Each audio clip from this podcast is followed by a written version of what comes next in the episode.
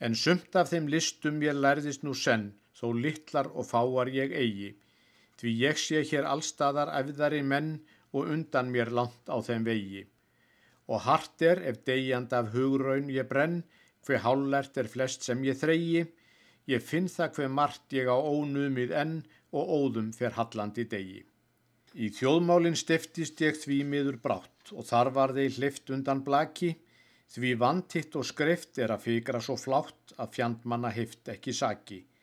Þó flest væri gleift sem var logið og látt er lifandi sleift á því taki, að finna hvað kleift var að hafi yfir hátt og hverjur því dreift út af baki. Þá fann ég hver kjörgripur ennbættið er og ætlaði í flokkina stærri, en þeir áttu langsoltin liðsmanna her en launin og bitana færri. Það eina sem miðlað gatt málunum hér var mægð við þá ríkar og herri, en þær lent á öðrum en engin á mér, um ennbættið getið þið nærri. Ég kynnti mér ett en nú ekki sem vest og allur er garðurinn mætur en best hef ég mennin í minninu fest og mannana frumvaksta dætur. Við englana hjörtu ég hvildist þó best, sá hvorugskynns líka mér sætur, ef eins væri mannkinnið allt eða flest, þá ætti það rólegri nætur. En ljótt var að sjá niður í sorpunum hér, hjá svinnbegðum verklíð og snauðum, mér furðaðan þeitt ekki því sem hann ber af þrælmennsku forsmán og nauðum.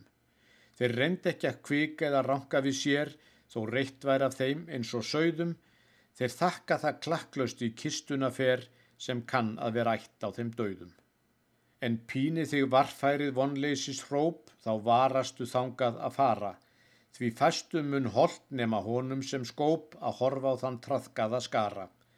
Þér blöskrar að heyra það bröðleisis óp til blágrára ómálga vara og sjá þennan skjögrandi horgrinda hóp með hungruðum kýraugum stara og lág var svo mentun sem líðurinn hlaut og lagar en nú er á dögum.